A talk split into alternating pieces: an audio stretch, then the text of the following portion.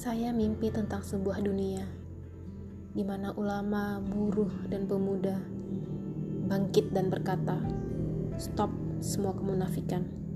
Stop semua pembunuhan atas nama apa pun."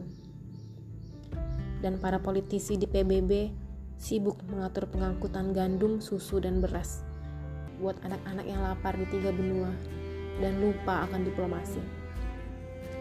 Tak ada lagi rasa benci pada siapa pun, agama apa pun, rasa apa pun, dan bangsa apa pun, dan melupakan perang dan kebencian, dan hanya sibuk dengan pembangunan dunia yang lebih baik.